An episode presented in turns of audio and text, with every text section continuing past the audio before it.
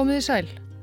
Það var þann 16. júni í fyrra sem bandaríski fastegnagjöfurinn Donald Trump lísti því yfir formlega að hann hegðist sækjast eftir því að verða fórsetaefni republikanaflokksins í komandi fórsetakostningum Vestanhafs. Það má eflaust fullir það að margar fyrstu fréttinnar af þessari yfirlýsingu hafi verið í dálítið háðskum tón en það hafði Trump þá lengi aðalega verið komísk fígúra í margra augum með sinn einkennandi yfirgreita skalla og appelsínugula sólbaðstofu yfirbræð og förðulega raunveruleika sjóansþátt The Apprentice þar sem þáttakendur keftust um að sanna viðskiptavit sitt ellegar verða reknir af manninum sjálfum. You're fired. Bradford, you're fired. You're all fired. All four are fired. Fjölmiðlum fyrirgefst kannski að hafa gripið til hæðni þar sem aðtöfnin, þar sem Trump tilkynnti frambóð sitt var öllin undarlegasta og frambjóðandin fórum víðan völl í frambóðsræðu sinni. When was the last time you saw a Chevrolet in Tokyo? When do we beat Mexico at the border? They're laughing at us. They're bringing drugs. They're bringing crime. I am officially running for President of the United States. Síðan þá hafa fullirðingar og umæli Trumps þó bara orðið umdeildari, herskári og fjärstæðukendari. Hann hefur ítrekkað gerst uppvísað bókstaflega fáránlegum yfirlýsingum, rasisma og kvennfyrirlitningu og svo mætti lengi telja. En þrátt fyrir það hefur leið hans sem frambjóðanda bara leið upp á við og hann aflað sér meira og meira fylgis. Fáa hefur eflaust grunað þarna þann 16. júni 2015 að frambóð Donalds Trump til fórsetaefnis republikanaflokksins yrði annað en bara skondin neðarmálskrein við sögu bandarísku fórsetakostningana 2016. Að hann ætti eftir að vinna hvert forval republikanaflokksins á fætur öðru og endanum hreppa hnossið eftirsóta að verða fórsetaframbjöðandi flokksins og fara fram gegn Hillary Clinton og eiga nú góðan möguleika á því að verða næsti fórseti bandaríkjana.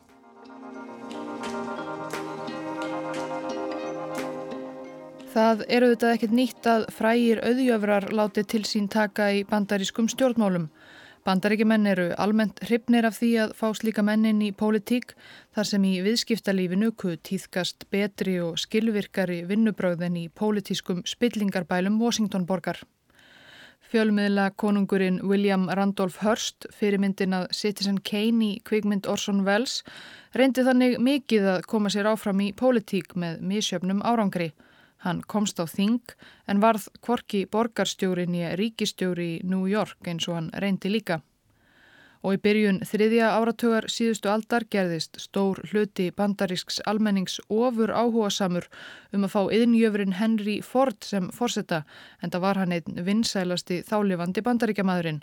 Stopnaður voru ótal klúpar og nefndir viðsvegarum bandaríkinn til að hvetja Ford til fórsetaframbóðs og þúsundir greina með sama markmið skrifaðar í öll helstu blöð og tímaritt. Ford geldi án efa alvarlega við að verða við óskum fólksins en fór þó ekki fram að lokum. Þessi stað settist Calvin Coolidge á fórsetastól 1923 var það eflaust fyrir bestu því Ford var ekki bara annálaður gýðingahattari, heldur einstaklega þraungsinn maður og almennt áhuga og kunnáttu lítillum flest sem ekki viðkom bifreiðum og framleiðslu þeirra. Eitt sinn kom þannig í ljós fyrir rétti að hann hafði ekki hugmyndum helstu atriði í bandarískri sögu eins og til dæmis hvenar bandaríska byltingin átti sér stað. 1812 giskaðan á. Og svona mætti telja til marga auðjöfra sem gælt hafa við fórsetaframbóð og sumir auðvita látið verða af því. Frækt er þegar miljardamæringurinn frá Texas, Ross Perot, fór fram sem sjálfstæður frambjöðandi utan flokka í fórsetakostningum 1992 og tókst að fá tæp 19% atkvæða og síndi þar bestu framistöðu sjálfstæðs frambjöðanda í bandarískum fórsetakostningum í 80 ár. Perot fór fram aftur fjórum árum síðar og hafði þá stopnað flokkin Reform Party eða endurbótaflokkin. Það gekk ekki eins vel í síðara skiptið, hann fekk þá bara um 8% atkvæða. Og endurbótaflokkurinn varð síðar að einhvers konar reglífa samtökum fyrir pólitískan metnað ímissa misjafna karaktera sem áttu lítið sameinlegt eða í raun alls ekki neitt því þar innan borðs rúmaðist allt frá græningum til kúkuks klanmanna og reyndar líka Donald nokkur Trump sem lísti því yfir 1999 að hann væri að velta fyrir sér fórsetaframbóði einmitt fyrir hönd endurbótaflokksins. Lítið varður því frambóðið að lokum en þetta er því ekki fyrsta sinn sem Trump sækist eftir fórsetastólnum.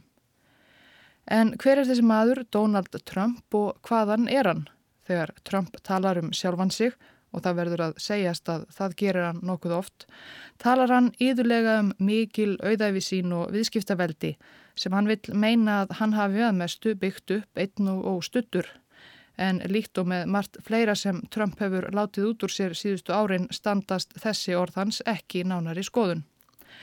Það þarf ekki að liggja lengi yfir fjölskyldusögu Donalds Trumps til að sjá það. Almennt er ekki mælt með því að treysta orðum Trumpsum sjálfan sig, jável æfisögur hans sem hann hefur gefið út ófáar, eru fullar af misfærslum og ígjum ef markam á annan æfisögurittara auðjöfursins, bandaríska bladamannin Gwendu Blair. Hún hefur ritað tvær bækur um Donald Trump annarsvegar og föður hans og Ava hinsvegar sem hér er stuðst við. Donald Trump er af þriðju kynstóð businessmanna í beinan Karlegg Fadir hans og Afi voru báðir í business og gekk farsellega þó hvorugur hafi kannski verið alveg sann heiðarlegur.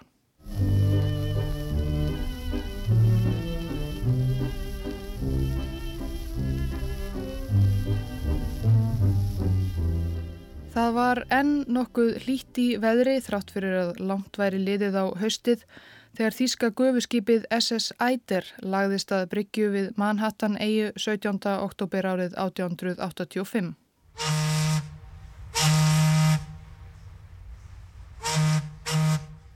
Stór hluti þeirra 500 farþega sem hafðu silt með SS Eider frá Bremen í Þýskalandi, það var tíu daga sigling, voru komnir upp á dekk til að virða fyrir sér New York, stórborg ólíka öllu öðru sem þeir áttu að venjast í Þýskalandi.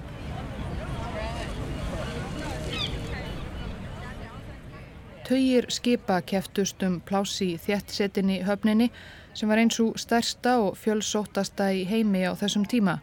Á hafnarbakkanum uldu hverum annan þveran hafnarverkamenn, sjóarar, skipsfarþegar, kaupmenn og menn, konur og börn af ímsu sögðahúsi. Meðal farþegana á dekki SS Æder var 16 ára drengur. Nei, eflust voru all nokkrir 16 ára drengir um borð en við skulum staldra við þennan eina, mjóslegin pilt frá smábænum Kallstad í vestanverðu Þískalandi. Hann var einn á ferð Hans eini farangur rítjuleg ferðataska með nokkrum fataplökkum. Af dekkinu horfi hann gapandi á ísin og þísin niðri á bryggjunni, andaði að sér hrópunum og köllunum, fiski fílunni og reykjarbrælunni. Það var einmitt þetta sem hann var að sækjast eftir, þessi ís og þís. Fílan trublaði hann ekki.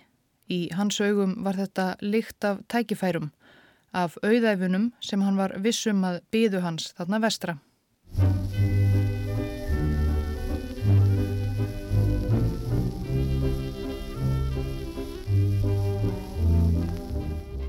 Þessi 16 ára drengur hétt Frídrik Trúpp og hann hafði rúmum tveimur vikum áður laumast burt úr foreldrahúsum í Kallstad að næturlægi til að freysta gæfunar í bandaríkunum. Það er rétt sem gengið hefur manna á milli á netinu nýverið og minnstir á í sjónvarsinslægi háðfuglsins Johns Olivers um Donald Trump að forfeður hans báru upphaflega eftirnafnið Drúmf. Drúmf! Yes! King Drúmf! And Drúmf! En það þarf reyndar að fara alla leið aftur til 30 ára stríðsins á 17. öld til að finna Drúmfnafnið Einhver forfaðir Donalds okkar breytti fjölskyldunafninu í Trump einhver tíman þá á stríðsárunum.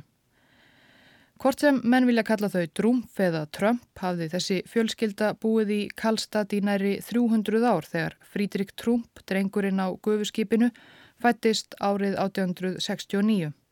Fjölskylda hans var ágætlega stæð og átti vínegru við bæinn. En einhvern veginn heitlaði það ekki Frídrik Trúmfinn unga að taka við vingerðinni nýja heldur að læra einhverja yðngrein eins og móður hans reyndi mikið að halda að honum.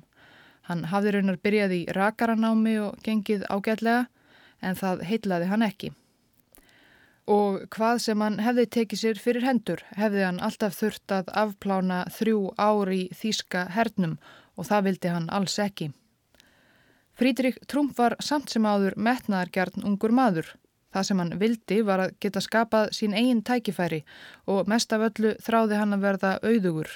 Og það var hann vissum yrði auðveldara þarna í nýja heiminum en þeim gamla.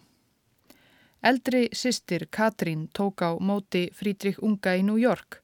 Hún hafi flutt til bandaríkjana ári áður með unnusta sínum, svo hann var ekki aðleitn í nýja heiminum. Hann bjó hjá sýstur sinni fyrstum sinn á meðan hann var að koma undir sér fótunum. Frídrik Trump var fljótur að tilenga sér ameríska lifnaðarhætti. Hann lærði fljótt ennsku enda kornungur og varð bandarískur ríkisborgari frekar snemma það var öllu minna mál á þessum tíma en það er í dag, og tók upp nafn sem fjall betur að tungu heimamanna Fredrik Trump. Fyrstu árin vann hann sem rakari í New York en það kunni hann nokkuð fyrir sér í þeirri yðin. En óbreytur rakari verður sér seint úti um allt það gull og alla þá grænu skóa sem Trump dreymdi um. Árið 1891 þegar hann hafi búið sex ári í bandaríkunum tók Fredrik Trump því saman fökur sínar og ferðaðist þvert yfir þetta viðfema nýja heimaland sitt og settist að í Seattle við strönd Kirrahafsins í norðvestanverðum bandaríkunum. Seattle var þá ekki nema rétt rúmlega hálfrar aldar gömul. Á þeim fáu áratugum hafði hún vaksið úr örsmári landnemabegði í Blómstrandi smáborg með um 40.000 íbúa. Það sem lokkaði fólk til Seattle var ekki síst timburbransin. Skóarhauksmenn voru í óða önn að saga niður ævafornan skógin á þessum slóðum til að byggja San Francisco og fleiri borgir á vestuströndinni.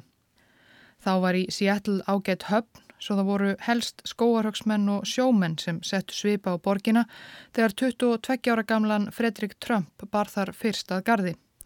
Líflegt raut hverfi hafði sprottið upp í borginni þar sem auðveldlega mátti nálgast allar helstu listisendir hvort sem það var áfengi, fjárhættuspil eða vændiskonur.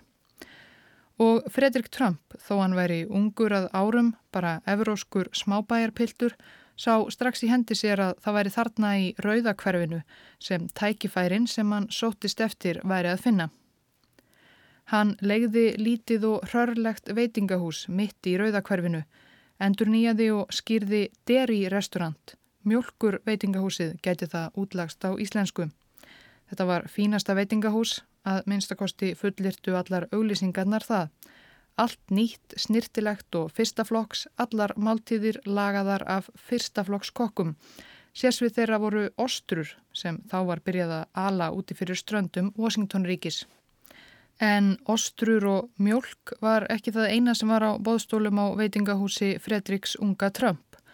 Enga herbergi fyrir dömur stóð líka í auglýsingum mjölkur veitingahúsins og þær dömur voru auðvitað vandiskonur.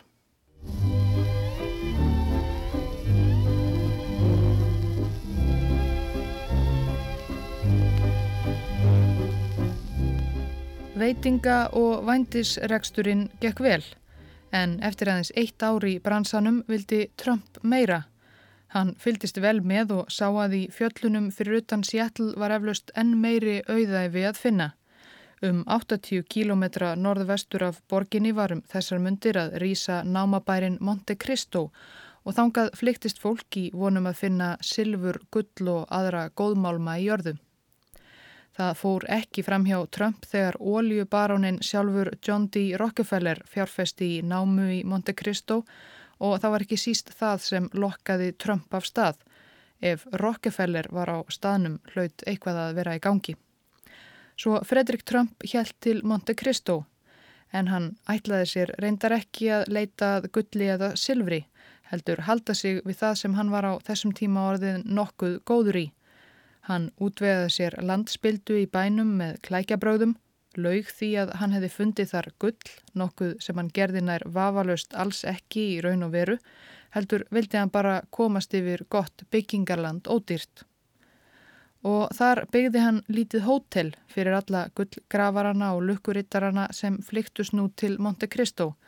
Hótel þar sem alla helstu þjónustu var að finna, gistiplás, mat, drikk og auðvitað vændiskonur.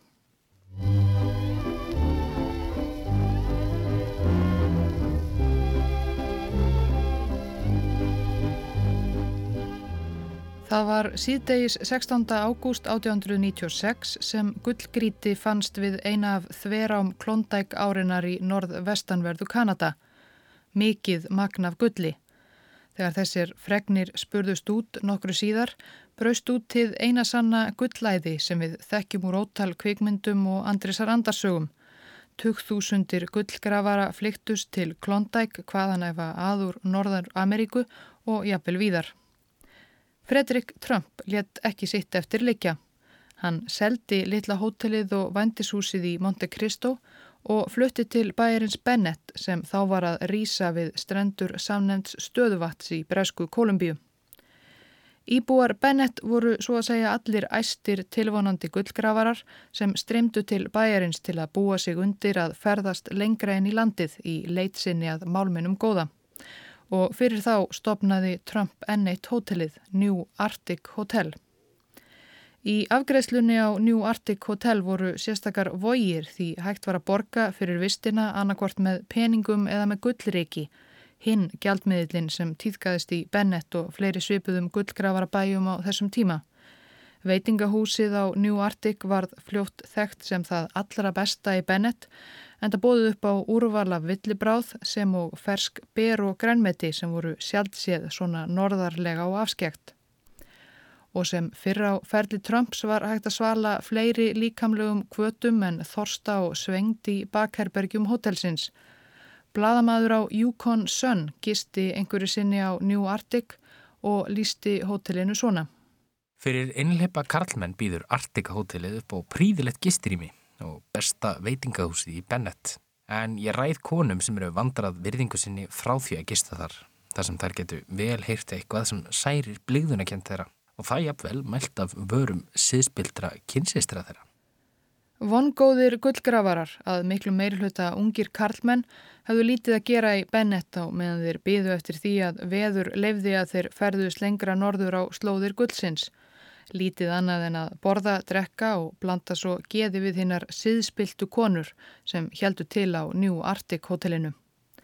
Businessin hjá Fredrik Trump blómstræði, svo mjög að hann opnaði fljótlega annað vafasamt veitingahús í öðrum gullgravarabæ White Horse, en gullæðið varði ekki lengi Um áramótin 1900-1901 var manni sem fyldist jafnvel með og Fredrik Trump gerði orðið ljóst að það gæti ekki ennstað eilífu. Og það sem meira var, kanadísk yfirvöld voru farin að fetta fingur út í lögleysuna og allan þann ósæmilega business sem hafði hingað til fengið að viðgangast í gullgravarabænum. Fredrik Trump sá í hendi sér að nú var tími til komin að loka sjóppunni og halda heimáleið með arðin sem hann gerði árið 1902. Hann let sér ekki næja að fara aftur til Seattle eða New York, heldur fór hann alla leið heim til Kallstadt í Þýskalandi, þaðan sem hann hafi flúið að næturlægi fyrir 17 árum, bara 16 ára unglingur. Nú var hann orðin 33 ára með svo fulla vasa fjárað sjaldan hafi sérst annað eins í smábænum Kallstad og það var þans fyrsta verk að leita uppi Elisabetu, stúlkuna sem hafi búið við hliðin á honum í æsku og giftast henni. Uppháflega var hugmyndin að Elisabeth kæmi með honum aftur til bandaríkjana en þar reyndist hún kunna illa við sig. Hún þjáðist mjög af heimþrá og ungu hjónin snýru fljótlega aftur til Kallstadt. En þar var Trump ekki lengi í paradís. Þó að hann snýri aftur úr nýja heiminum sem einn farsælasti og ríkasti sonur sem Kallstadt hafði nokkuð tíman alið, gáttu yfirvöld ekki fyrirgefið það að hann hafði, þegar hann hljópst á brott til bandaríkjana, komið sér undan herþjónustum. Og nú þegar hann var komin aftur var hann orðin of gamall. Í augum yfirvalda hafði hann með sveikum komið sér undan herþjónustunni. og jafnvel þó að hann lofaði að leggja öll auðæfi sín, 80.000 mörg híminháa fjárhæði í Þískalandi þess tíma í Sparisjóð bæjarins og hétti því að borga alla sína skatta af stakri ákefð og allan hátt lifa sérlega reglusömu lífi, allt kom fyrir ekki. Keisarin Viljálmur Annar var mikill hermaður með hernað, vopnaburð og enginnisbúninga á heilanum. Uppbygging Þíska hersins var eitt af hans hjartans málum á keisarastóli og hann tók sjálfur þátt í hönnun enginnisbúningana sem hann kuð hafa hannað og endur hannað að minnstakosti 37 sinnum. Herin kom á undan öllu öðru og í slíku andrumslofti var ekki heitlavænlegt að vera liðhlaupi eins og Fredrik Trump. Að koma sér undan herþjónustinni þótti svo alvarlegur glæpur að eftir talsvert karp var Fredrik Trump og Elisabetu konu hans báðum vísað úr landi.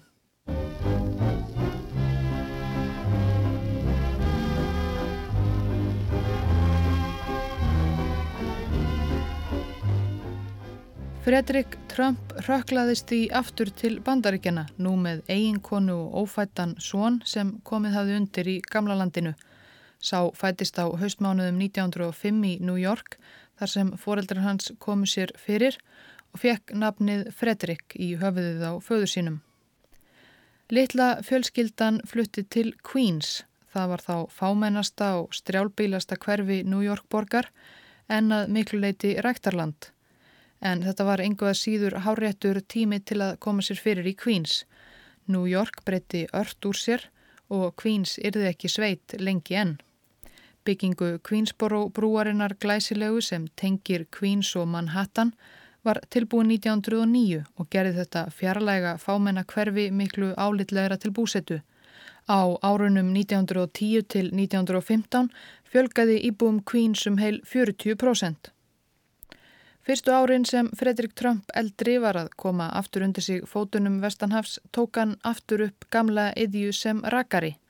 Ferðirnar fram og tilbaka frá Þískalandi og vesenið með herþjónustuna höfðu kostað sitt og nokkuð hafði gengið á sjóði hans. Hann dreymdi auðvitað um að fara aftur út í business. Að lokum keipti hann látlaust tveggjahæða hús við Jamaica Avenue verslunar breyðgötu sem fer þvert í gegnum Queens og allarleið til Brooklyn. Húsið gerði hann upp og setti stað með fjölskyldu sinni á annari hæðinni. Hína legði hann annari fjölskyldu. Þetta var uppafið að fastegna veldi Trump fjölskyldunar. En það átti ekki eftir að liggja fyrir Fredrik Trump eldri að vinna margar fleiri hetjutáður í viðskiptalífinu. Hann lést skindilega 1918 úr spænskuveikinni aðeins 49 ára gamall. Það kom í hlut elsta sonarins að halda Trump-nafninu á lofti.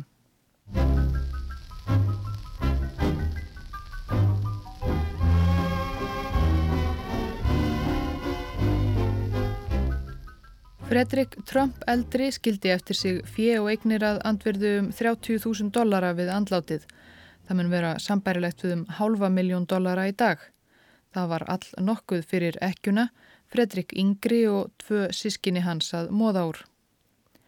Elsti sonurinn var frá unga aldri staðræðin í því að halda starfi föður síns og nafna áfram.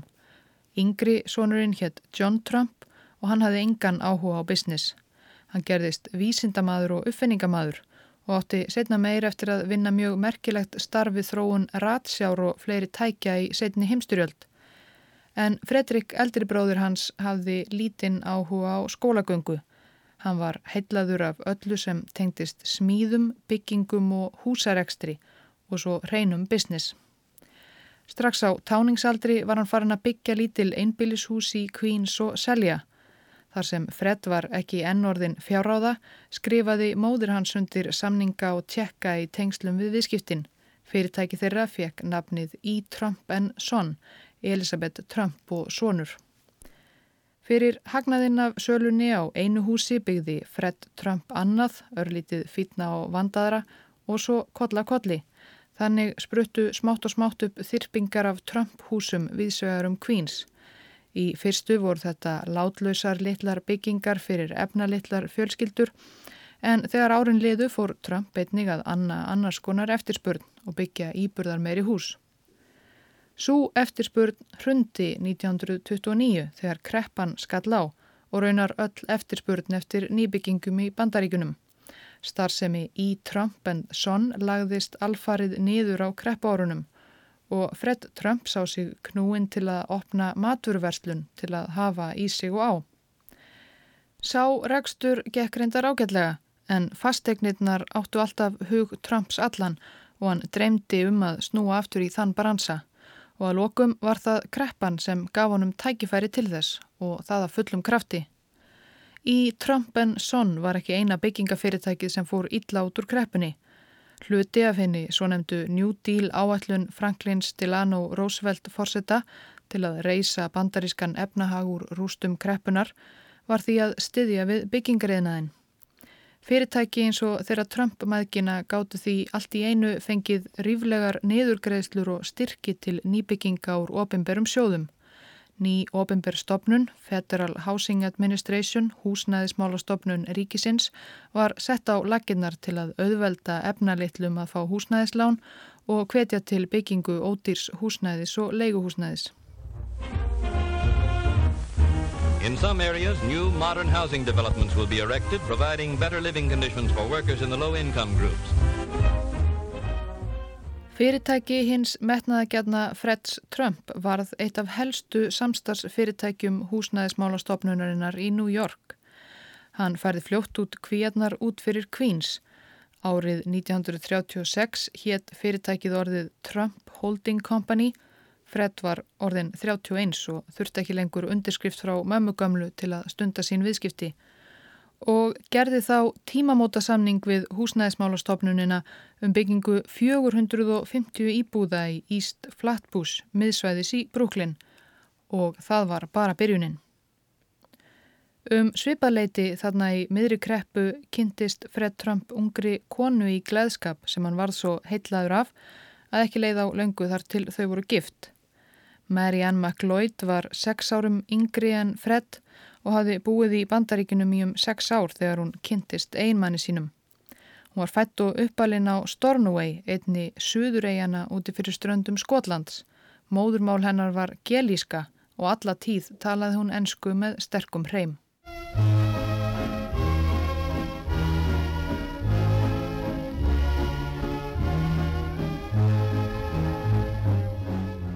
Með góðum stuðningi úr botlausum Deal sjóðum heldu byggingarnar áfram að rýsa viðsvegarum New York og Fred Trump var fljótt orðin svo stórtækur að eftir var tekið. Pressan fór að kalla hann Henry Ford byggingariðnaðarins og hefur honum varla þótt ónýtt að vera líkt við þann mikla skörung bandarískrar yðnaðarsögu. Árið 1943 var Fred Trump orðin miljónamæringur aðeins 38 ára gamall. Árið 1943 var líka skollin á heimstyrjöld. Styrjöldin varð líkt og heimskreppan auðvita fáum til góðs en þó voru þeir sem högnuðust á stríðinu beint og óbeint og þar á meðal var Fred Trump. Hann tók til við að byggja hermannabústaði fyrir bandaríska sjóherin viðsvegarum bandaríkin af miklu móð og grætti á tá og fingri. Reyndar var eitt atriði sem nokkuð háði Fred Trump á styrjaldarárunum eða hefði geta gert það, hefði Trump ekki fundið krók á móti bræði. Hann var auðvitað þjóðvergi í báðarættir og heimili hans í Bernsku var tölu þíska en þjóðverjar voru ekki sérlega vinsælir vestanhafs á meðan styrjaldinni stóð. Fred Trump virðist raunar hafa skamast sín fyrir þjóðarni sitt eða minnstakosti hefur hann metið það svo að það væri betra fyrir businessin að vera ekki þýskur einmitt þarna á þessum stað og á þessum tíma. Svo að Fred Trump kifti því liðin eins og öðru og fór nú að segja hverjum sem heyra vildi að hann væri af sænskum ættum og Fred Trump hinn sænski stundaði ótröður sín fastegna viðskipti öll styrjaldar árin.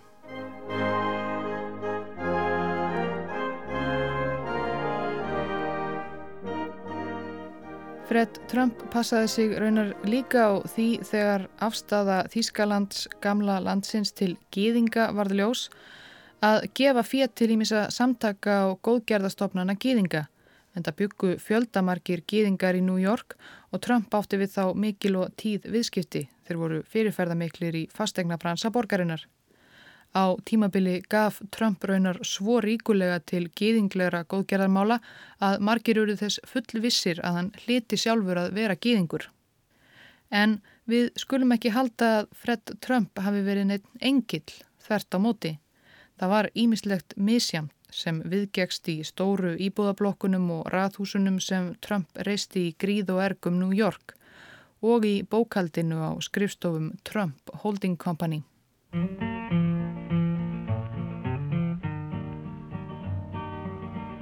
This land is your land and this land is my land From the California to the New York Island Árið 1950 flutti þjóðlagasöngvarinn Woody Guthrie inn í nýja leiguíbúð í Brooklyn í hverfi sem nefndist Beach Haven.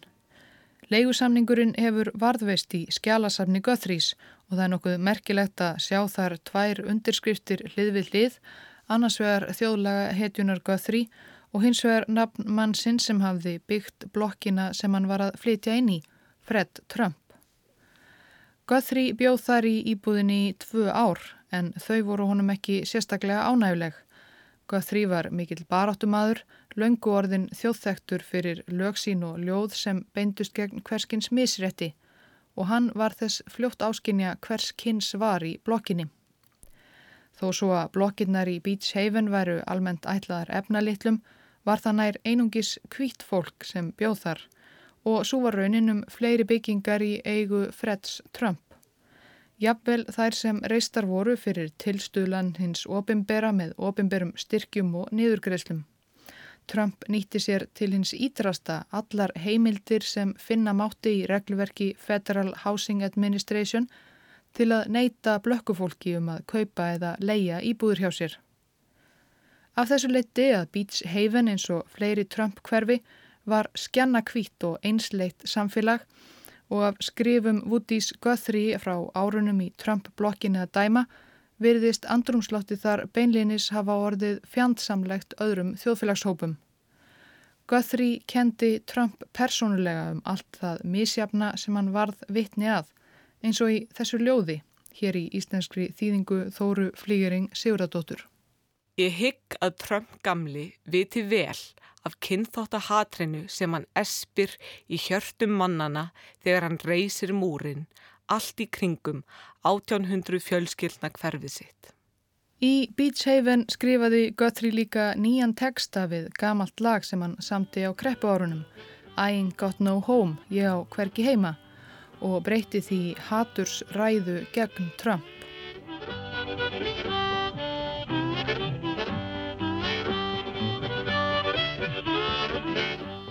Hann tók aldrei upp útgáfu með nýja tekstanum en viðlægið hljómar einhvern veginn svona No, no, no, old man Trump, old Beach Haven ain't my home.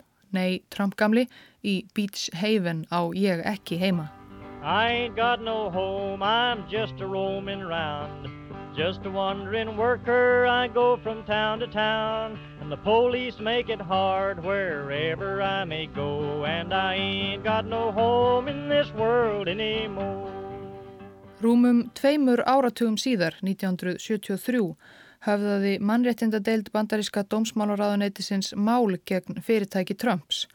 Mannréttindasamtök blökkumanna höfðu gert fólk út af örkinni til að sækja um leiguhúsnæði í byggingum Trumps annars vegar kvíta bandaríkjaman og hins vegar þeldökka. Nýðurstaðan var fyrirsjáanleg. Þeir kvítu fengu íbúðir, þeir svörtu engar. Starsmaður Trumps játaði framaldi af þessu í samtali við vikublaðið Village Voice að Fred Trump sjálfur hefði skipað honum að leia ekki þeldökkum íbúðir.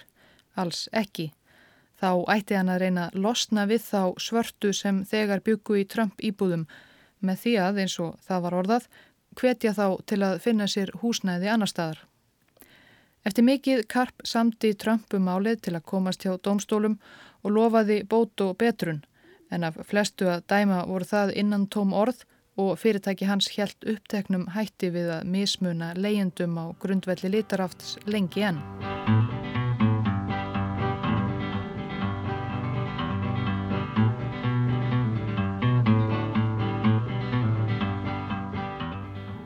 Þetta voru ekki einu vandræði Freds Trumps fyrir domstólum. Árið 1954, þegar Woody Guthrie var fluttur út úr Beach Haven blokkinni sem hann hataði svo heitt, byrjaði þingnefndi í bandarísku öldungadeildinni að rannsaka orðurómum fjármálamisferli innan húsnæðismála stopnuna ríkisins sem Trump hafði byggt margar af sínum stærstu byggingum í samvinnu við.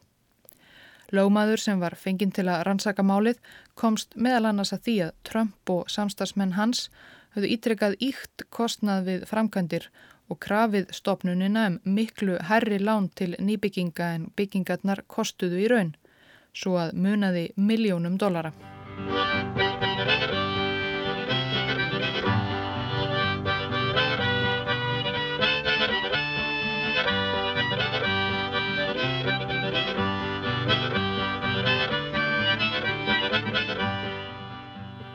Ekkert fekk stöðvað sigurgöngu Freds Trumps á fastegnamarkaði New York borgar, kvorki ásakanir um fjármálasvindl nýja kynþáttafordóma. Þegar hann ljast 93 ára 1999 leta hann eftir sig á beilinu 250 til 300 miljónir dollara og gríðarlegt fastegnaveldi sem tegði sig þvert yfir New York. Hann var þó auðvitað mestu hættur að sinna því veldi síðustu árin. Líkt og Fred Heitin hafði á sínum tíma tekið við örfáum íbúðarhúsum í útlegu í Queens af föður sínum, hinnum Þíska Frídrich, hafði Sónur Freds tekið við stjórnvölunum á fjölskyldufyrirtækinu. Sónurinn var Donald Trump, fættur 1946, skýrður í höfuðið á móðurbróður sínum á Suðurauðum. Hann var þriðja barnið, átti eldri sýstur og bróður og lengst af var það bróðurinn en einn Fredrik sem átti að taka við fyrirtækinu. En sá Fredrik reyndist hafa meiri áhuga á háloftunum en fastegnum á fastalandinu og sagði sig frá fyrirtækinu til að gerast flugmaður. Þá kom í hlut Donalds að axla ábyrð.